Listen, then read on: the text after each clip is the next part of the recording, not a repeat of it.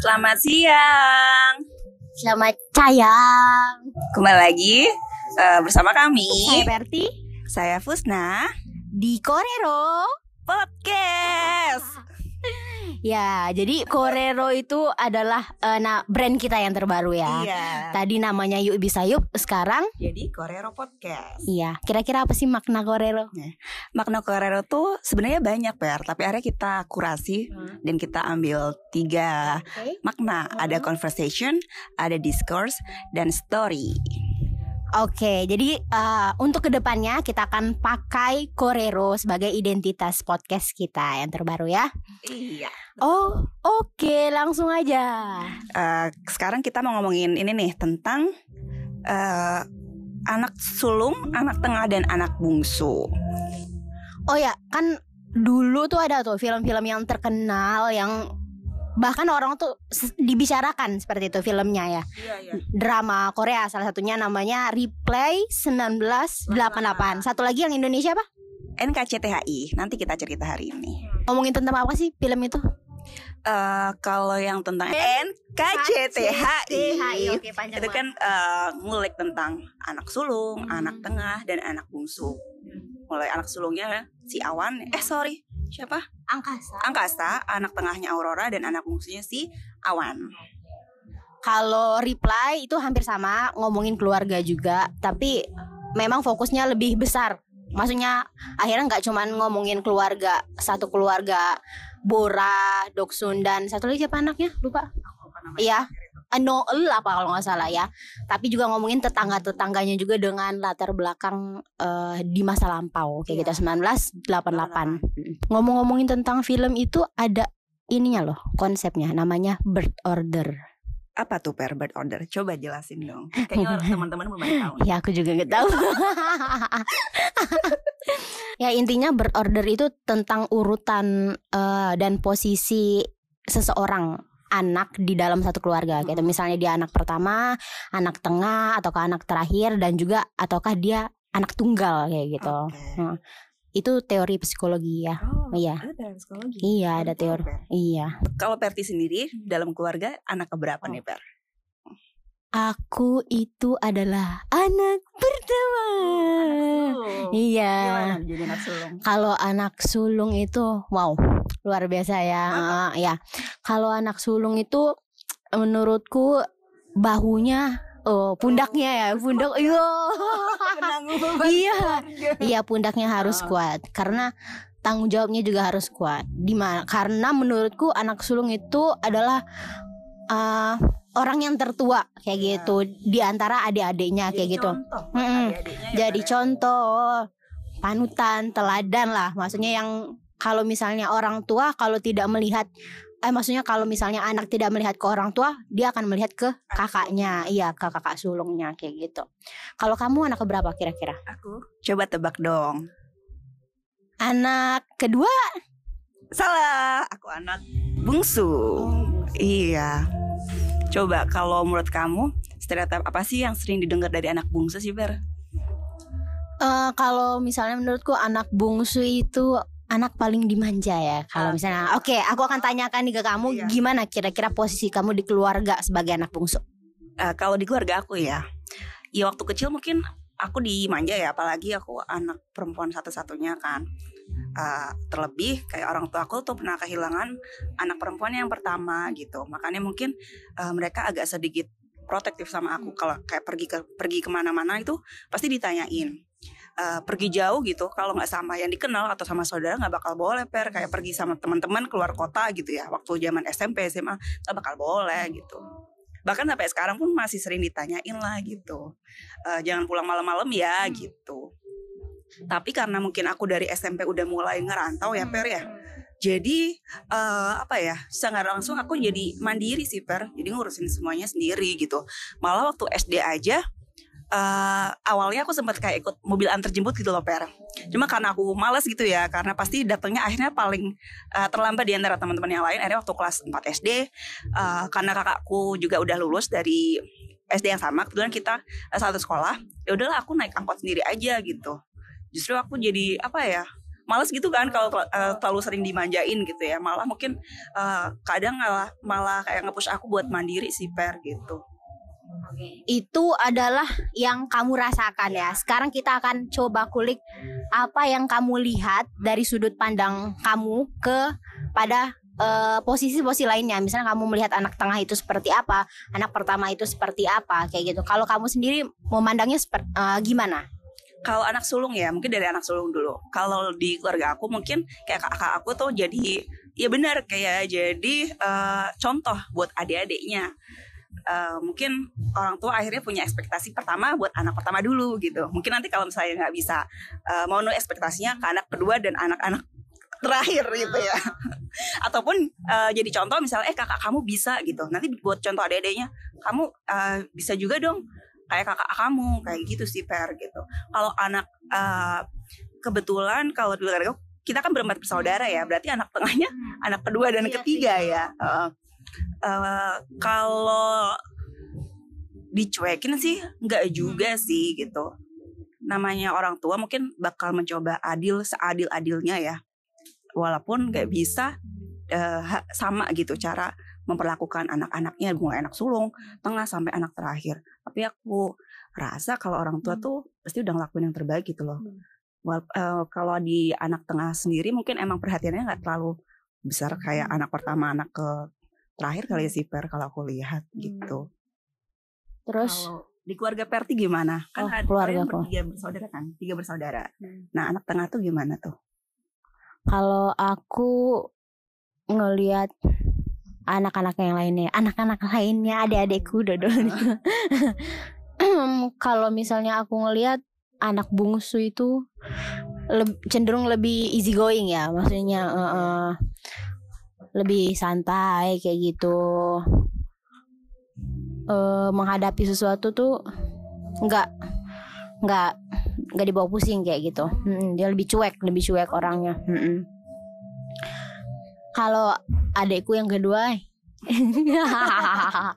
dia emang kadang ya dia kadang emang suka bingung-bingung gitu. Nah, enggak emang dia suka bingung aja. Ah. uh, Tadi pertanyaan apa?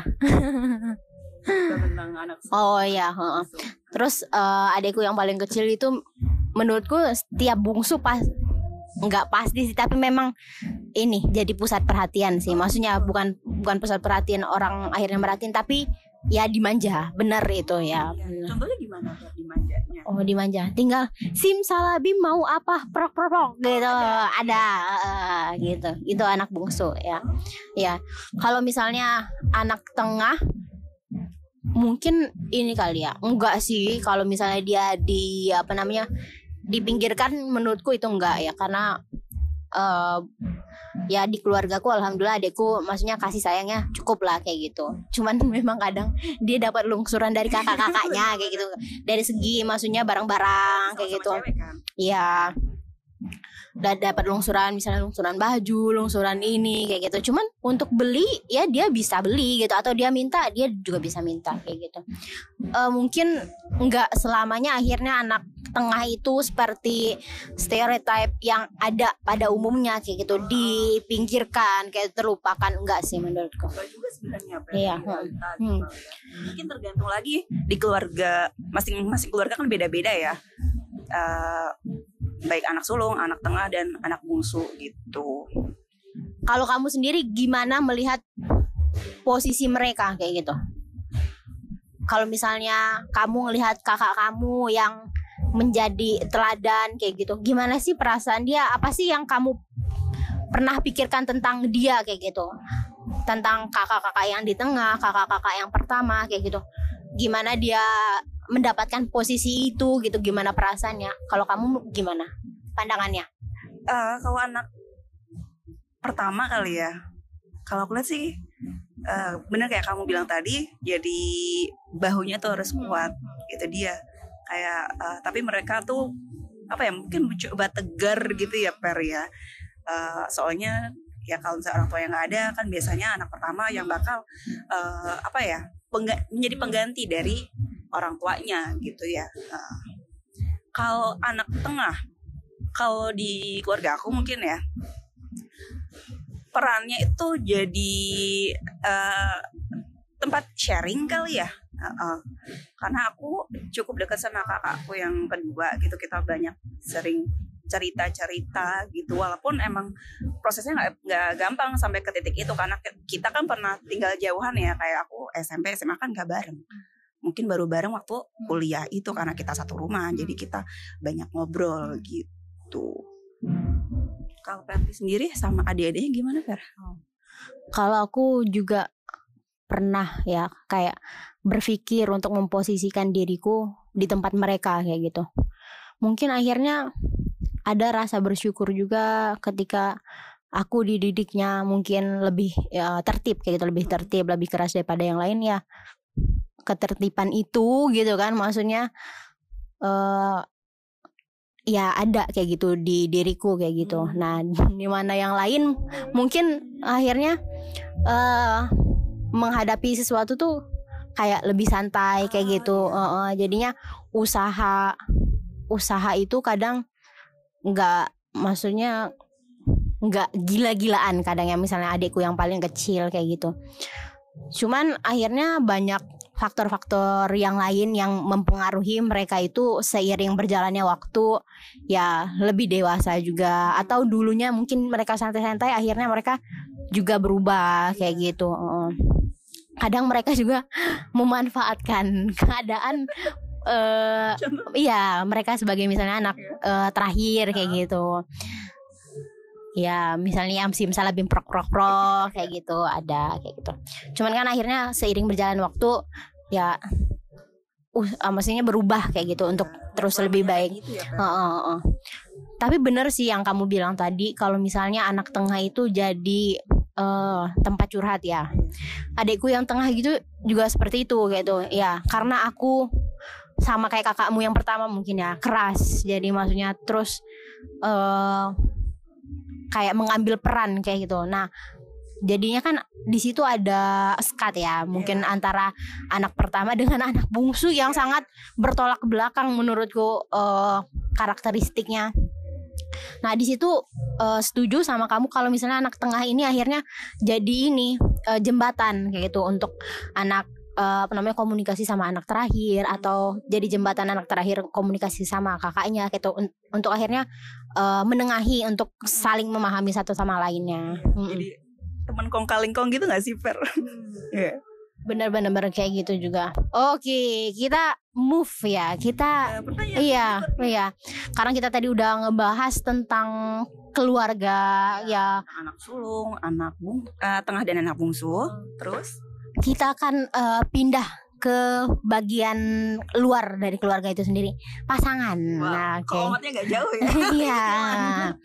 Kadang kan, maksudnya kan karakteristik karakteristik itu uh, mungkin juga mempengaruhi dalam memilih pasangan gitu ya. Mungkin kayak Perti anak sulung, apakah nanti akan mencari anak sulung juga hmm. gitu? Katanya anak sulung jangan deh sama anak sulung oh, iya, gitu. Mitos, mitos ya gitu.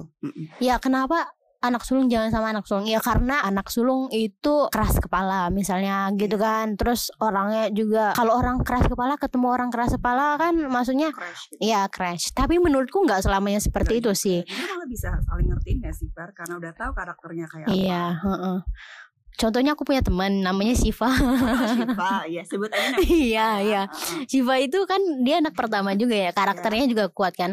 Akhirnya dia mencari yang kuat juga kayak oh, gitu ya. Gitu. Kalau misalnya kita sambung-sambungin dalam ya, uh, apa yang kita bahas sekarang, menurutku Siva cocok sama anak pertama juga oh, gitu kan. Iya, oh.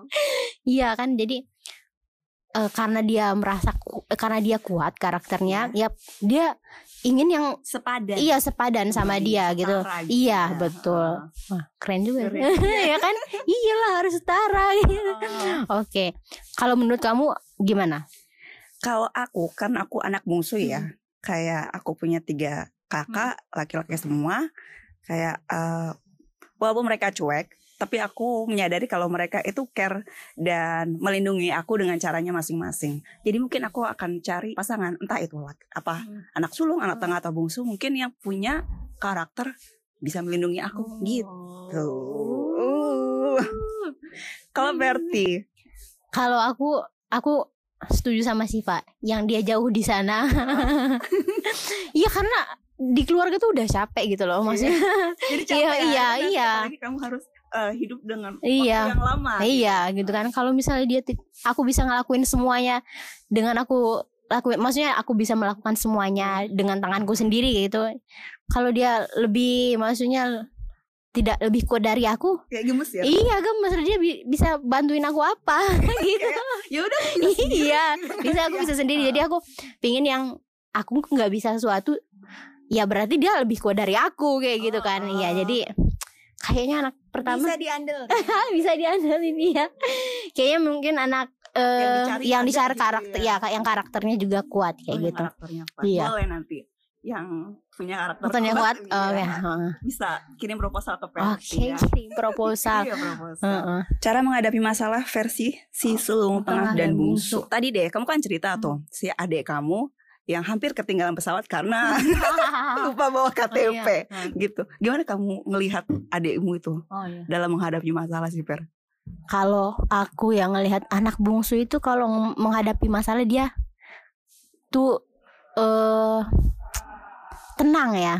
tenang karena nggak tahu keadaannya seperti apa gitu kan karena namanya anak bungsu kan pasti ada beberapa hal yang akhirnya ditekel sama kakak-kakaknya Iya, kayak gitu Ini sih Per, mungkin eh, aku sedikit mengiyakan Hmm. karena kalau aku kan eh, nyoba ngerjain dulu tapi kalau nggak bisa, Hmm. oh ya deh bisa aku gantungin gitu Per. Ah, bener. Jadi maaf ya kakak-kakak. Iya bener jadi karena eh, hal-hal itu dihandle sama kakaknya gitu kan jadi dia Ya santai aja. iya santai Bantu. Gitu, Per. bener santai dia rasanya santai karena udah dibantu sama orang lain kayak Iya. gitu padahal keadaannya tidak seperti itu keadaannya menuntut agar dia cep- cepet tanggap kayak gitu lebih gesit lagi kayak gitu Sat-set gitu. cacet-cacet kayak gitu jadi yang ngomongin soal pesawat tadi ya Iya. dia tetap santai iya Sampai sekarang itu kan ceritanya waktu di awal masuk ke pesantren. Kan sekarang udah eh, lama lah ya. Hmm. Sama masih sama kayak gitu gak sih? oh jelas mati tetap santai iya tetap santai kayak Sampai gitu kunci Iya. ya. Terus eh kalau misalnya anak pertama ya, aku kan kasih apa namanya pandangan dari aku. Kalau misalnya anak pertama menghadapi masalah itu mereka tegas biasanya. Iya. Mm-mm, mereka tegas. Dia tuh nggak suka plek gitu kan. Maksudnya ya cari sumbernya kenapa gitu kan. Terus kayak nggak mau ngerepotin orang gak sih kalau Hmm. kayak yaudah kalau aku bisa nyelesain sendiri. Kayak ngapain sih harus teriak-teriak minta tolong ke yang lain gitu gak sih Fer? Iya, betul sekali. Jadi selama bisa dilakuin sendiri ya dilakuin aja kayak gitu. Misalnya, bahkan kadang posisi anak pertama itu karena eh, memikirkan juga keadaan orang tua kayak gitu. Kalau misalnya dia punya masalah terus dia rasanya nggak mau ngerepotin orang tua juga kayak gitu. Jadi akhirnya karena tak ketakutan eh, membebankan eh, pikiran orang tua, akhirnya dia juga Akhirnya dipendam sendiri. Iya, sama dipen- masalah-masalah Mm-mm, itu. dipen- dipendam sendiri kayak gitu atau diselesaikan sendiri gitu bahkan mungkin perasaannya dia untuk membaginya ke adik-adiknya juga nggak nggak sampai karena nggak sanggup sih? iya eh-eh, kayak gitu eh, karena mungkin mereka itu akhirnya lebih kecil daripada dia kayak gitu daripada anak pertama itu jadi sebaiknya juga nggak nggak seperti itu sih maksudnya pastinya kan adik-adiknya juga eh, maksudnya menerima kayak gitu untuk mendengarkan kayak gitu. Kalau anak tengah gimana tuh kakakmu biasanya? kalau dia dia mah kalau butuh apa-apa ya minta tolongnya ke aku Eh, gitu sih. Tapi kalau anak yang ketiga dia tuh kan gak banyak bicara ya. Hmm. gak banyak ngomong dan gak banyak cerita gitu.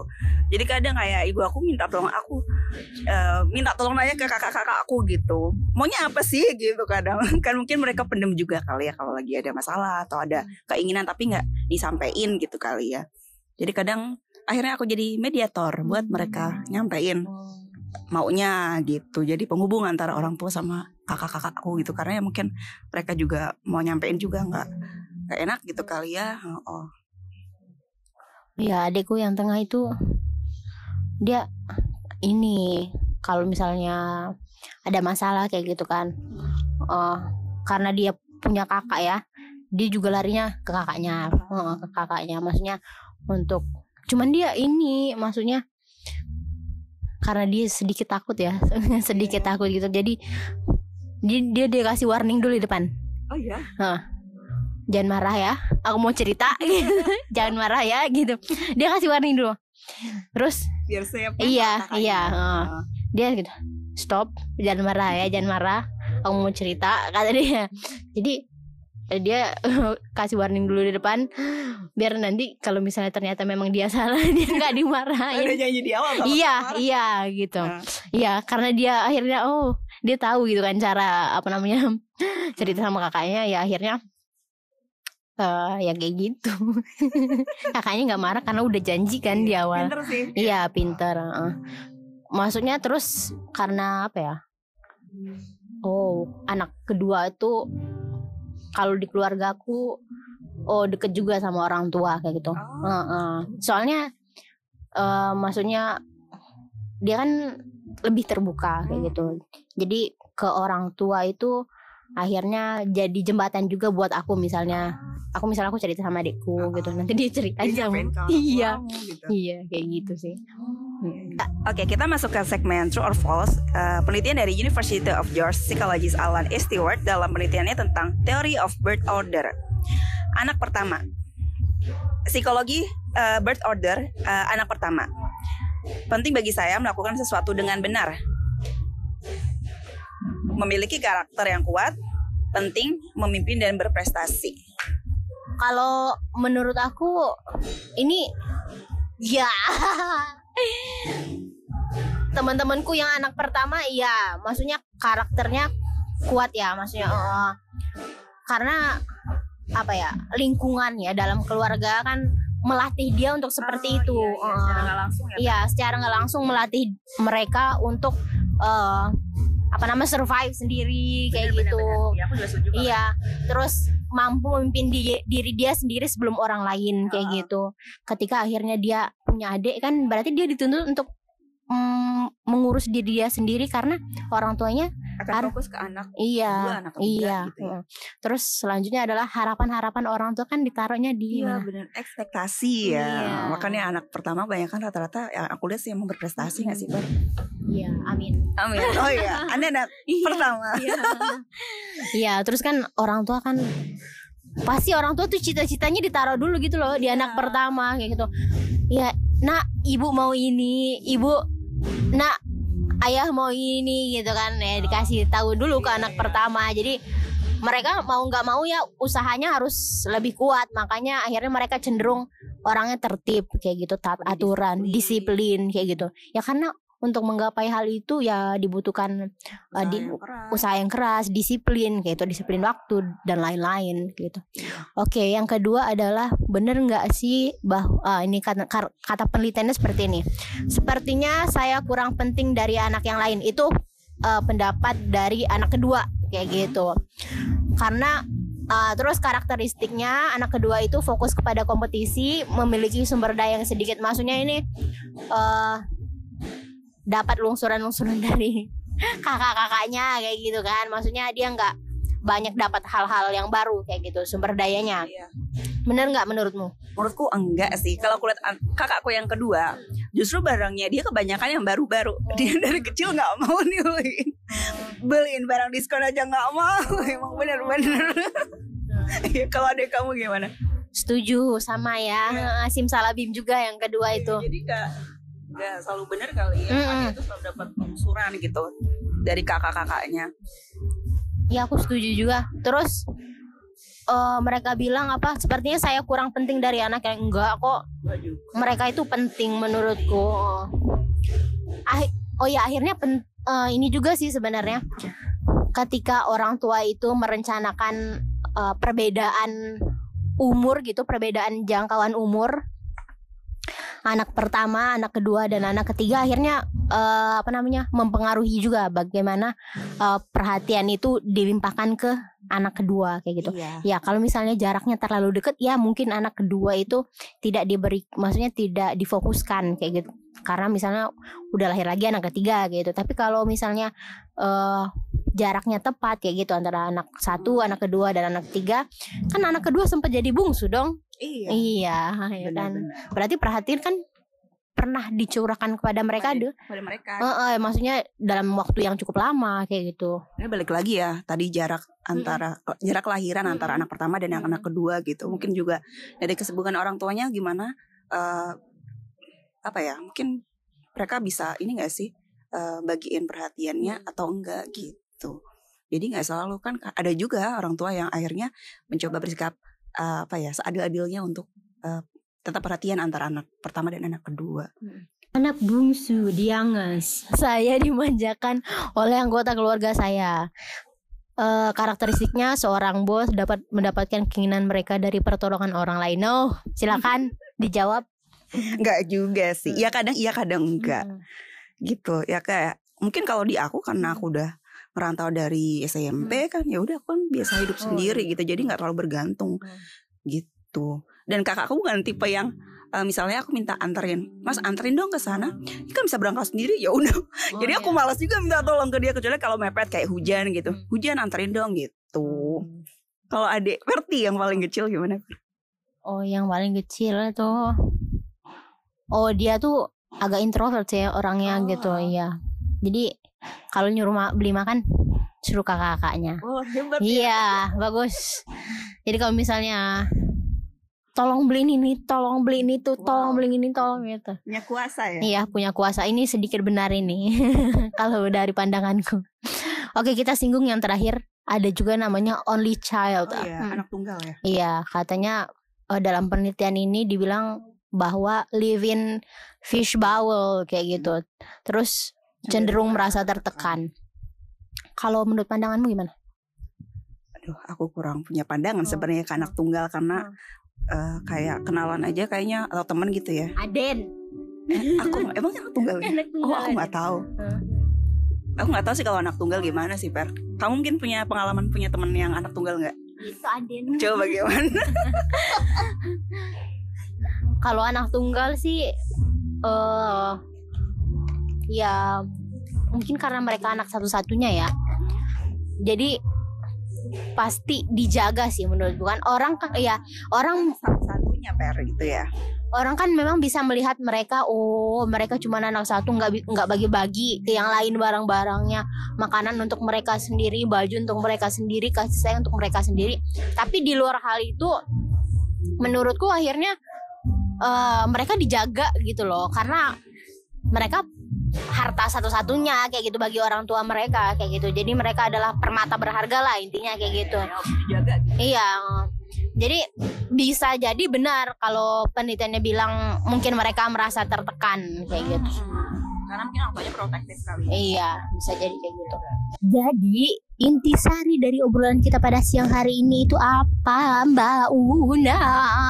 jadi per buat teman-teman yang ngerasa eh, struggle ya karena mungkin ngerasa nggak diperlakukan adil dalam keluarganya eh, mungkin yang satu hal yang bisa Hmm. kita ingat jadi orang tua itu juga pengalaman pertama buat orang tua kita buat ayah kita buat ibu kita.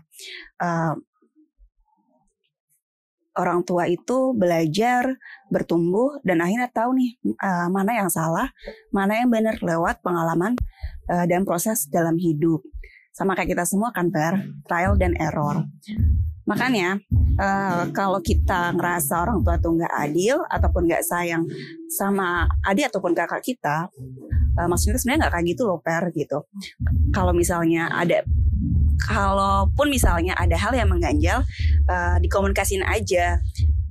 Kayak di drama Reply 1988 di scene Doksun nangis dan marah-marah karena ngerasa nggak dilakukan adil di keluarganya akhirnya eh, jadi momen bagi Doksun ya untuk nyampein ke orang tuanya gitu. Dan jadi momen untuk orang tuanya sadar kalau selama ini mereka tuh salah dalam melakukan anak keduanya. Eh, sebenarnya jadi kasih tamparan juga kita walaupun eh, mungkin anak pertama anak kedua anak ketiga kelihatannya baik-baik aja. Eh, sebenarnya semua anak itu pengen dilakukan secara adil gitu per. Walaupun mungkin di scene reply 1988 jatuhnya agak heboh dan konflik ya tapi memang selamanya eh, nggak selamanya konflik itu harus dihindari. Justru dengan dihadapi kan jadi uh, apa namanya jadi pembelajaran gitu ya per. Kalau aku aku kasih sudut pandangku dari anak ya. Ya. Kalau misalnya dari anak kan sama seperti orang tua yang baru pertama kali mendapatkan posisi tersebut. Anak juga kan pertama kali memegang posisi anak pertama anak tengah anak terakhir bahkan anak satu-satunya di keluarga kayak gitu. Jadi penting akhirnya untuk memahami karakteristik satu sama lain kayak gitu.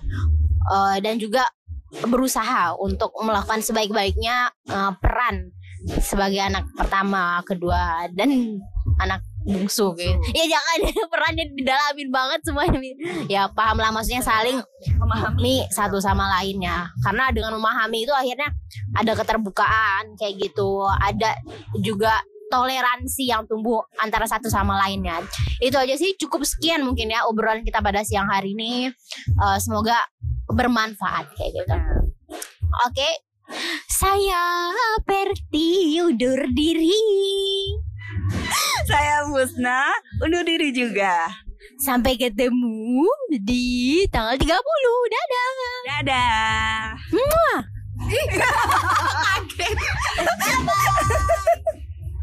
Ada muahnya.